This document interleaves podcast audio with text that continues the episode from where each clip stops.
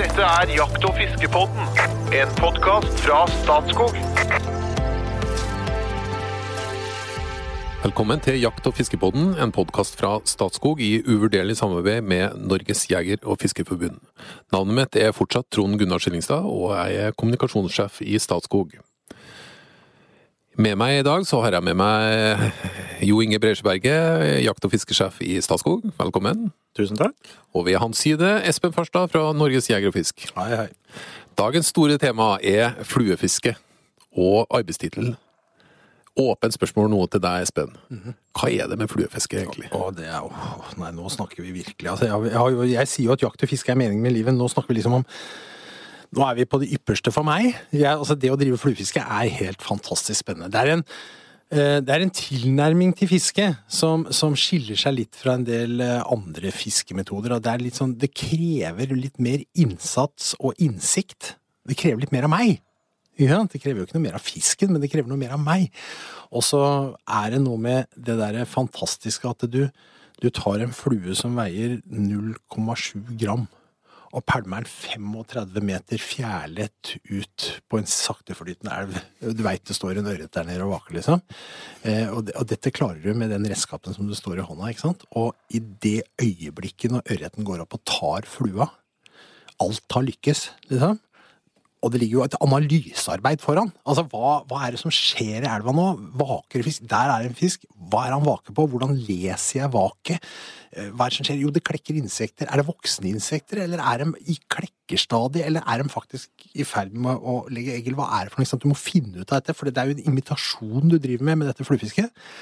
Legger ut, flua driver nedover, alt er perfekt, du har vada ut i elva, er liksom, du er i en sånn flytsone. Og så tar ørreten den flua, og du gir tilslag, som vi sier, altså du løfter stanga for å feste kroken. Og da er det ingenting mellom deg og ørreten av mekanikk som i en vanlig fiskesnelle, ikke sant? Du står med snøret i hånda, du, du kjenner ørreten pang rett inn i hånda, eller rett i hjerterota, egentlig, altså. Det er den følelsen du har. Og det er på en måte, det er det opp Og for meg så er det sånn, min form for fluefiske, det er at da er nesten spenningen utløst. Det er ikke så viktig om fisken er veldig stor, eller om jeg får den inn, eller hva det er. nesten. Altså, det er det der å få fisken til å ta, knekke koden. Og det sier jeg om en fisk, en ørret, som har hjerne på størrelse med en ert. Så det er jo, man kan jo lure på hva jeg driver med, og jeg har jo lurt på det mange ganger, men gøy er det også. Det du har vært på film, vet du, for det er makende engasjement. Jo Inge, har du drevet fluefiske? Ja, jeg har det. Eh, Jeg, bare, jeg hører på Espen her nå, da. Og det, det, er jo, det er jo en livsstil, da. ikke sant? Det er jo helt på grensen til nerdete. Det, det må vi være enige om. Og jeg leser en eller annen stand at det var en uhelbredelig sykdom, de som drev på med flyfiske. Så det eneste de pårørende kunne gjøre, var å sørge for at pasienten hadde det bra. Ja, den vil jeg gjerne ta med meg hjem. Det er jo omtrent der. I løpet av podkasten her så kan det hende at jeg blir smitta, for nå snakker dere da med en person som aldri har fiska med flue. Så ta, ta, ta det basic nå. Hva, hvor starter man hvis man har lyst til å prøve å fiske med flue? Det, det, er, det er ikke noe hokus pokus, egentlig. Altså, hele poenget med flue er jo da at det er snøret som er kastevekten når du fisker med flue. Eh, I motsetning til hvis du fisker med en spinner eller en sluk eller noe sånt. Da, da liksom har du en sluk på 10-15-20 gram, og så kaster du den ut, ikke sant? Men, men her, den flua veier jo ikke noe, så hvis du skulle prøve å kaste den alene, så hadde du ikke kommet langt. Så da er det laget et snøre da, som er kastevekten, og da har vi sikkert sett en fluefisker som står ved et vann, altså, han står og svinger denne stanga fram og tilbake, sant? og tar ut mer og mer snøre i lufta i fine sånne bukter. Ja, det ser faktisk litt vakkert ut. Ja, det er estetisk Er poesi. Ja, ja det, er, det er jo det, ikke sant. Du tegner jo vakre buer i lufta, ikke sant. Og så avslutter du med et, med sånn derre slipp ut, hvor du liksom da strekker ut armen, slipper snøret, det farer ut, og så legger flua seg helt sånn fjærlett ned der ute. Det er jo fascinerende. bare, og så du, Mange blir, kommer jo ikke lenger enn det, blir jo bare stående og kaste. Men når du Men, sik- men det er veldig du- vanskelig, altså. Så jeg, så jeg vil anbefale er jo, er jo det. Altså, det kjempeferdig, det er det perfekte kastet. Så, så vil jo påstå at som nybegynner så er det vel anvendt å bruke noen kroner på et kastekurs. For det der perfekte kastet, det sitter sitter litt inne. Det bruker, noen, bruker litt tid. Det går, kan gå noen år før det er perfeksjonert. Ja, ja det skal være enig, men, men, men ikke la det være noe terskel. fordi at det, gi Nei, meg, nei, gi meg det, ti minutter med en fluestang, av Trond Gunnar, så skal, jeg, skal, så skal du skjønne timingen og teknikken i dette her. Og du som jeg veit driver og fusker litt i musikkfaget, det er veldig mange musikere som er glad i fluefiske. Og det tror jeg skyldes at det er en, en rytme og en timing Mm. i dette her som, som er helt uh, innafor for de som driver med musikk også. Så dette, dette skal vi Ti minutter. Ok, ok. Nei, den utfordringa skal jeg ta. Eh, eller det vil si, det er din utfordring. Jeg skal, jeg skal bli med, skal vi se om du greier det i løpet av ti minutter. Men det, ikke sant, du, eh, man danser frem og tilbake med flua. Blir lenger og lenger ut. Og så skal du treffe et spesielt sted. Ja. Hvorfor det? Nei, fordi at uh, Jeg er litt avhengig av, av hvor Altså nå Har du liksom sett fisken? Ja. Ja. på noen typer Altså, eh, for meg men det blir litt personlig, dette. For meg personlig så er fiske i elv det aller, aller morsomste. Og jeg liker sakteflytende, stilleflytende elver. Eh, og fordi at Det er der mange fly- fluefiskere gjør det. ja, de, veldig mange fluefiskere gjør det. Og det er nettopp fordi at fisken oppfører seg slik i en stilleflytende elv at den steller seg opp et sted hvor det er fint å stå. Bak en stein eller under en torvkant eller et eller annet sånt. Hvor det kommer mat flytende. Og er du da der på rett sted til rett tid, og det fluefiske handler mye om det, rett sted til rett tid, hvor det da klekker et eller annet insekt, døgnfluer, vårfluer, steinfluer, hva det måtte være, eh, så vil fisken stå der og systematisk eh, gå opp og vake. Og ta Og fluene våre imiterer jo den, da. Den maten fisken Ikke tar. sant?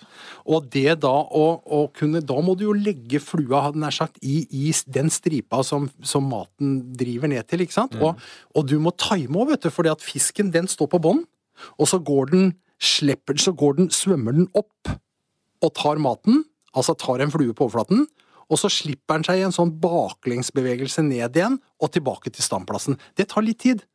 Så du må, du må, du må faktisk stå der da og observere vakmønsteret på fisken. Og se altså, nå er den oppe. Og så går det en stund, så kommer det, så der kommer det, og så tar den, ikke sant. Og så tenker du at så, den tredje flua som kommer der, det skal være min. Og da må du legge den presis på riktig sted, og få riktig drift ned til fisken. Så på hagleskyting prater vi om foranhold, da. Men her blir det å plassere flua der.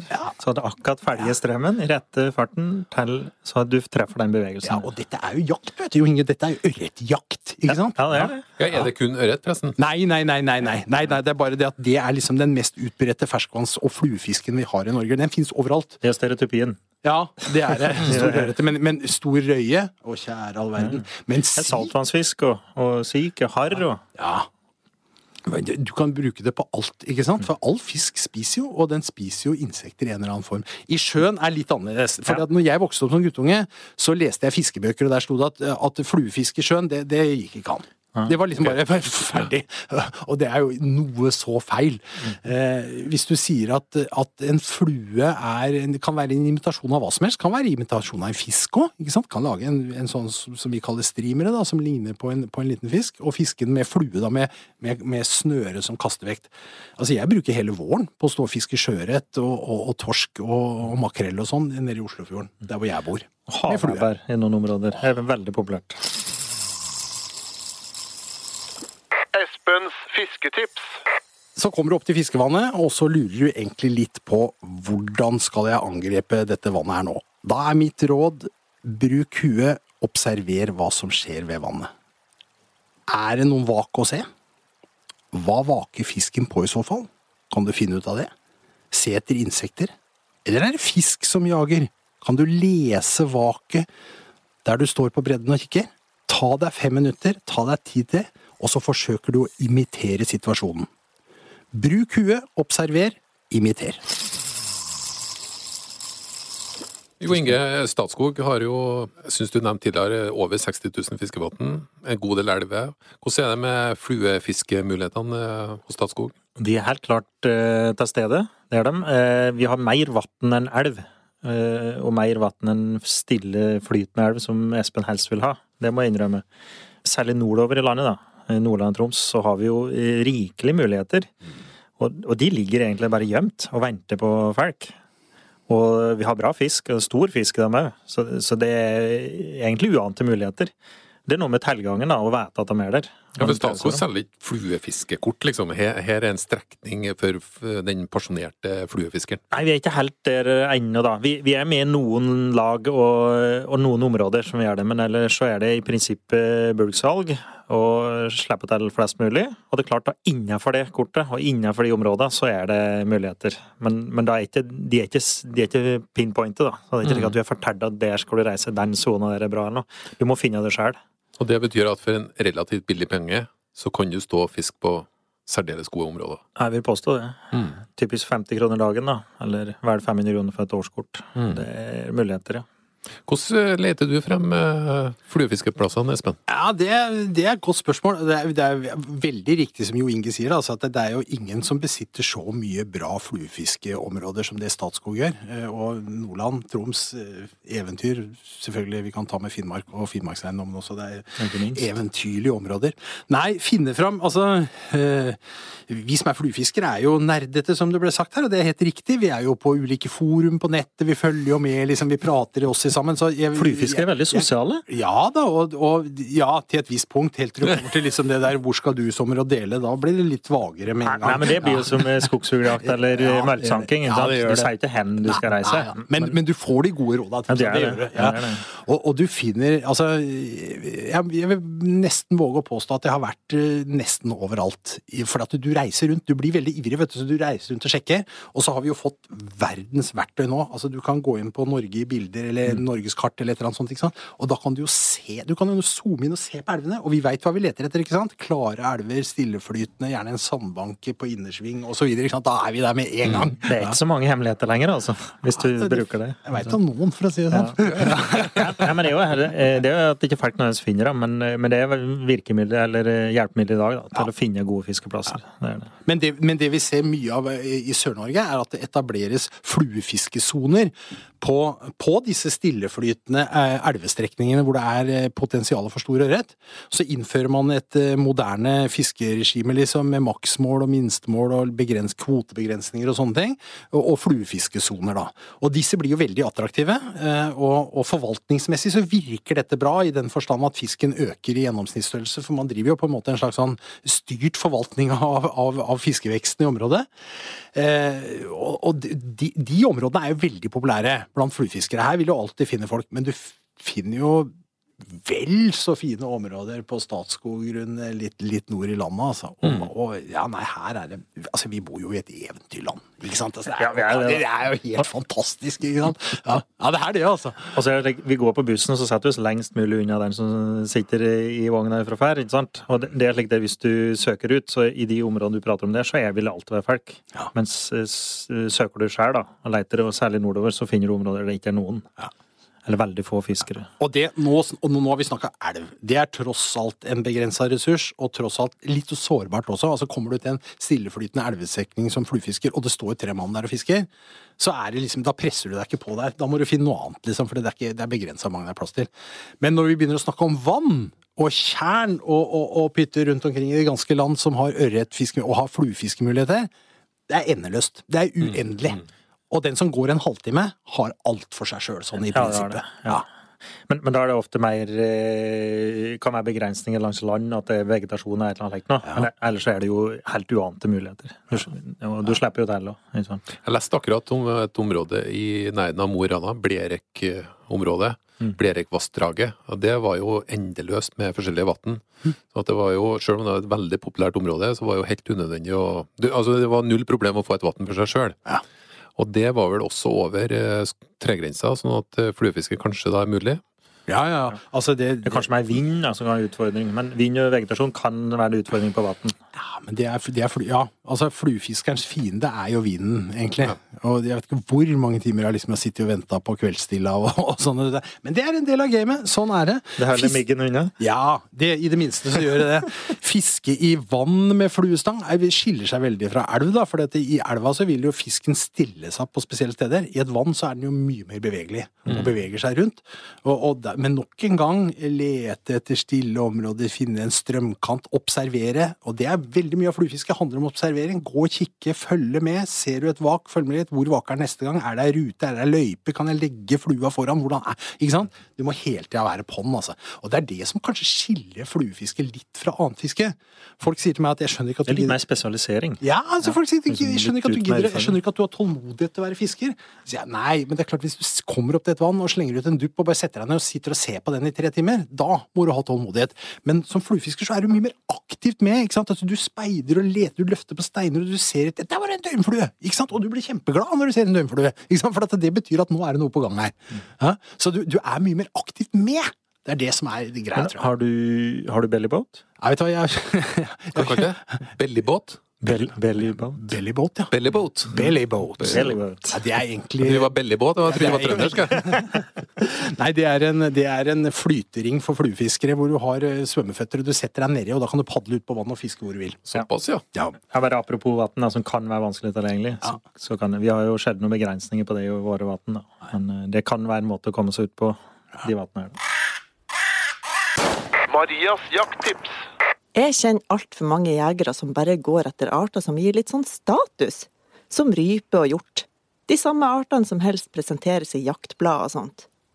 Noen jegere går etter størrelse, andre reiser til fjerne strøk for å finne sjeldne arter. Mitt tips er å ikke låse fast i sånne smale mål og regler. Jakt det som det finnes mye av rundt der du bor, og smak det fram til din favoritt. Det finnes veldig mange jaktbare arter, og de her finner du enkelt fram til eksempelvis på nettsida til Miljødirektoratet, hvor også jakttidene står. Kanskje finner du noen overraskelser på lista? Utvider du repertoaret, får du også gjerne flere utedager, mer erfaring, mer kjøtt, og blir mer kjent i nærområdet ditt. Husk bare å steke kråkekjøttet godt, om det er det du ender opp med. For det er vel verdt et forsøk. Kråkepizza neste lørdag? Skittjakt. Apropos fascinasjon med fluefiske. Jeg har vel inntrykk av at fluefiske har en liten oppsving. Altså tradisjonelle, de tradisjonelle tegneseriene for eksempel, og forestillingene, det er mark og dupp. Og det er gjerne sluk, ikke sant? Og så eh, spinner, og så begynner man med kanskje ja, oter, markdrag osv. Men fluefiske, det virker som det har et oppsving. Er det, er det riktig?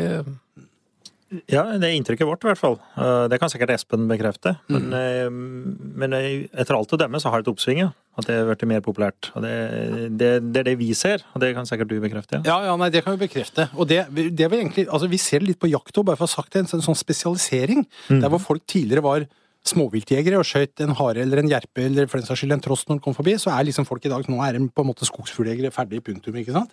Ser knapt den haren som hopper forbi, tror jeg. Og sånn er det på fiskesida òg. Jeg tror det er flere som spesialiserer seg. Fluefiskere er blitt lett tilgjengelig. Det er veldig populært å vise på TV, for det er jo ofte et visuelt fiske. Altså fisken vaker, og du ser at den tar, og mm. det å sitte og, og, og pilke en båt, det er litt kjedelig å se på, men en fluefiske er jo visuelt. Så det er mye, mye sånn positiv eh, fokus på fluefiske. Og så har du hatt en utstyrsutvikling. Det er ikke minst viktig. Og at folk kan bedre med fritida, da. Sant? Og kan spesialisere seg, kanskje. Ja, ja, jo, jo, det er klart, selvfølgelig. Men, men det med ut... For når jeg var guttunge, nå begynner jo det å bli et par år siden, men da var det, da var det nesten litt dyrt å bli fluefisker, altså. I dag koster jo ikke Ja, det lurer jeg litt på. Er det, er det liksom fluefiske for fiffen? Er det, er det veldig kostbart? Nei, det er Nei, ikke det er jo ikke det lenger. Altså, du kan få et helt ålreit fluefiskesett til en tusenlapp. Ja. Sant? For en tusenlapp oppover for et sett. Ja. ja. Også, også, det, det er jo lett å bruke mer penger, da, men, Ja, jeg bruker men du kan flere starte- hundre kroner i året. jeg. Og den første fluestanga mi, den var jo ikke Den var jo ikke i nærheten av det du får i dag for en tusenlapp. ikke sant? nei, nei, nei. Så det, jo, det har skjedd en rivende utvikling på det feltet her. altså.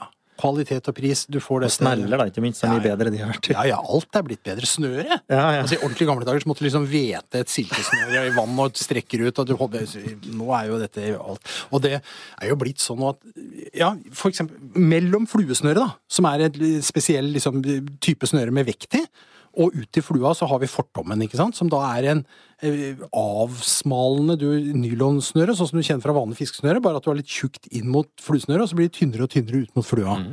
En fortom. Og, og Det er mye begynte- tynnere enn fluesnøre, da. For en ja, ja. Blir tynt, tynt, tynt. Og da, når jeg, når jeg begynte å fiske, så bandt de jo sånne fortommer. Hadde sånn formel, ikke sant. Så skal jeg ha 40 cm 0,50, og så skal jeg ha 30 cm med 0,40, og så ble det smalere og smalere ut i typen. I dag kjøper du bare en ferdig fortom for det koster tolv kroner, liksom, eller hva det er for noe. ikke sant? Og alt er fiks ferdig. Det er så lett å bli fluefisker i dag. Ja. Så, så det er mer å knekke koden, komme inn i liksom den måten å fiske på, bli en del av den aktiviteten. Og det, det som vi ser, da, er jo at det er veldig, veldig typisk en ungguttaktivitet, dette her. Ja, det er det. Unge gutter, mye testosteron, og så du den ørreten, liksom? Altså, sånn type fiskeopplevelse, liksom. Mye hoiing og skriking, og, og, og mye greier. Det er, det, det, der treffer du noe. Altså. Det å dra på tur med fluestanga sammen, det er optimalt, liksom. For det der, vi må påstå at jentene henger etter det, da. Her, her henger de ja. ganske langt etter, altså, og egentlig mye lenger enn det vi ser på jaktsida, som vi har snakka om i tidligere podder, om at, at det, er, det er Jentene er på veien. Det er lenger mellom jentene på fiskesida, faktisk. Av, av disse ihuga, da. Mm. Men hvis ikke forlater utstyret helt ennå, for i enden her så er det nok noe som er veldig avgjørende. Altså flua. Er det noe man må binde sjøl? Må man ha et utall ulike fluer? Det, skal man ha noe som flyt og søkk? Et lite lynkurs i flue. Ja, det er veldig kort lynkurs i dette her. Dette handler, i, I et moderne fluefiske så handler dette om imitasjoner. Vi skal prøve å imitere det som skjer i naturen. Eh, og Det betyr at du må forholde deg til insektlivet, som er det vi kanskje først og fremst imiterer som fluefiskere. Noen imiterer også fisker, som jeg sa tidligere, men la oss konsentrere oss om insekter. Det betyr at når du kommer til et vann, så du må ha kunnskap om insekter. Hva er det som skjer her? Hva slags insekter er det som, som klekker her nå? Hva er det som skaper aktivitet hos fisken som gjør at den er oppe og spiser? Så du må ha, du må ha ulike typer fluer til ulike typer klekkinger, ikke sant? Og det Ja, jeg skal tenke, tenke. Det går jo an å kjøpe dem sjøl, men eh, langt de fleste binder med fluer sjøl. Ja, det er noe med da får størrelsen ja, og da får du dem akkurat sånn som du vil! Ja, akkurat likt sant? Ja. Det høres så komplisert ut. Nei, men eh, det er kjempegøy! Det altså, finnes jo noe som heter YouTube, da, som eh, Ja, ja. egentlig har det meste. Der ligger oppskriftene, og dette, dette er heller ikke noe sånn hokus pokus. Å kjøpe et fluefiskeutstyr og begynne å binde, da har du jo noe å gjøre om vinteren òg, ikke sant? Du kan sitte og glede deg, ikke sant? Og du kan sette på jakt- og fiskepodden på høyttaleren bak deg, ikke sant? Og høre på denne praten her sånn, mens du binder opp en liten rakkelhan eller en superpuppe, eller hva de heter, disse fluene, ikke sant? Og gleder deg og tenker at, å, jeg glemmer det, jeg vet, Og så når du tar fisk på den, da. Ikke sant? Det er jo det som liksom er det store, da. Ja, ikke sant? For da har du studert det, og så har du laga den helt den rette kombinasjonen, og så tar du faktisk fisk på den. da. For å forklare det til en ikke-fluefisker, Ja. det er som å pelle molter. Du peller molter og tar med hjem, og så tar du frem det på julaften, og det er bare det, hele høsten kommer opp, ikke sant, og det lukter skog og dal. Du kjøper ikke molter, ikke sant? Du reiser ikke på butikken og kjøper Nei, du gjør ikke det. Nei, og litt sånn Men, er det men fortsatt, da, altså, skal du studere insektlivet? Ja, ja, ja, ja. Entomologi. Entomologi. Og det må du nesten gjøre lokalt, da, for det kan være ulikt, i hvert fall i ulike deler av landet på ulike Ja, men årstider og det er det. Det er det, ikke sant? Og når, og ikke minst er tida de klekker, da. Det høres jo uhyre komplisert ut. Nei, det høres veldig spennende og fascinerende ut. Det er det du gjør, ikke sant? Så når jeg skal til, så når jeg skal til et eller annet sted i Finnmark for å fiske første uka i august, så ringer jo jeg til en kamerat som jeg vet har vært der oppe, som bor i Kautokeino og som kan litt. Men, du, hvordan, men nå skal vi opp på en ca. 400 meter, det er høyt i Finnmark. Og, og, og første uke i august, hva kan jeg regne med å finne av klekkinger der, da? Så sier han nei, du, du, du får en del vårfluer, og så kan du ha noe late bloomers liksom av døgnfluer. Ok, da veit jeg hva jeg skal putte i esken min. Da veit jeg åssen det er. Så, så dette er en hel verden. da blir og- nesten religiøse. Altså, blir blanke øyne og begynner å prate om sant? ja. Særlig døgnflyklekkinger da? Rett eh, temperaturen, og så nå begynner døgnfluene å klekke. Det jo, da er det julaften, altså. Ja, det er det. Og vi vet hvilke er det. Det er mange sorter døgnfluer òg, da, selvfølgelig. ikke sant? Og det er forskjellige størrelser, forskjellige farger og sånt. Og, og de aller største, Ephemera danica. Er, og nå bruker vi latinske navn, for det er liksom det som er gangbart i dette. For så kan vi snakke med fluefiskere i andre land også. Ephemera danica fins ikke så mange steder, men det fins i en god del eh, stilleflytende elver. og, mm, Blant annet i ditt hjemfylke i Hedmark og sånn. ikke sant? Og dette veit jo vi om, selvfølgelig. Og da må du være der på rette dagen, det rette tidspunktet. Men da er liksom, da å, himmelen åpner seg. Fantastisk. Og vi prater veldig korttidsrom, altså. Ja. Det er ikke, liksom- det er ikke ukevis Nei, nei, nei. nei, nei. Du Det må treffe liksom en dag eller to eller tre. Sant? Det, er, det er liksom å treffe akkurat rette dagen. da. Det krever litt forarbeidelse. da. Men dette men det er noe med å lykkes, da. Det er ikke sant? Det er nok en gang det. da. Det er mestringa og den utfordringa. Yes. Jeg tror, jeg tror fascinasjonen ligger der. Det er ikke fisken, det er fisken Det var kloke ord til slutt. Eh, Det har også endt opp med en liten utfordring. Det at jeg skal læres opp til å bli en fluefisker i løpet av ti minutter. Det blir spennende å se om vi lykkes med det. Det gleder jeg meg til, altså, helt ærlig. Ikke for å avbryte, men eh, jeg bodde et halvt år på New Zealand. Jeg klarte å unngå å få fisk på flue når jeg var der. Helt ginklare elver, og det var, eh, det var klekkinger, og alt lå egentlig til rette. Men jeg klarte å unngå å få det til. Så, jeg- så jeg gleder meg til å se den utfordringen. Jeg skal se litt på YouTube på binding av flue òg. Så, så, jeg, så jeg kan drive litt sånn eh, Farstad kan bli litt imponert. Tusen hjertelig takk for oppmøtet, Espen og Jo Inge. Eh, Da sier vi takk for i dag, og eh, vel møtt igjen.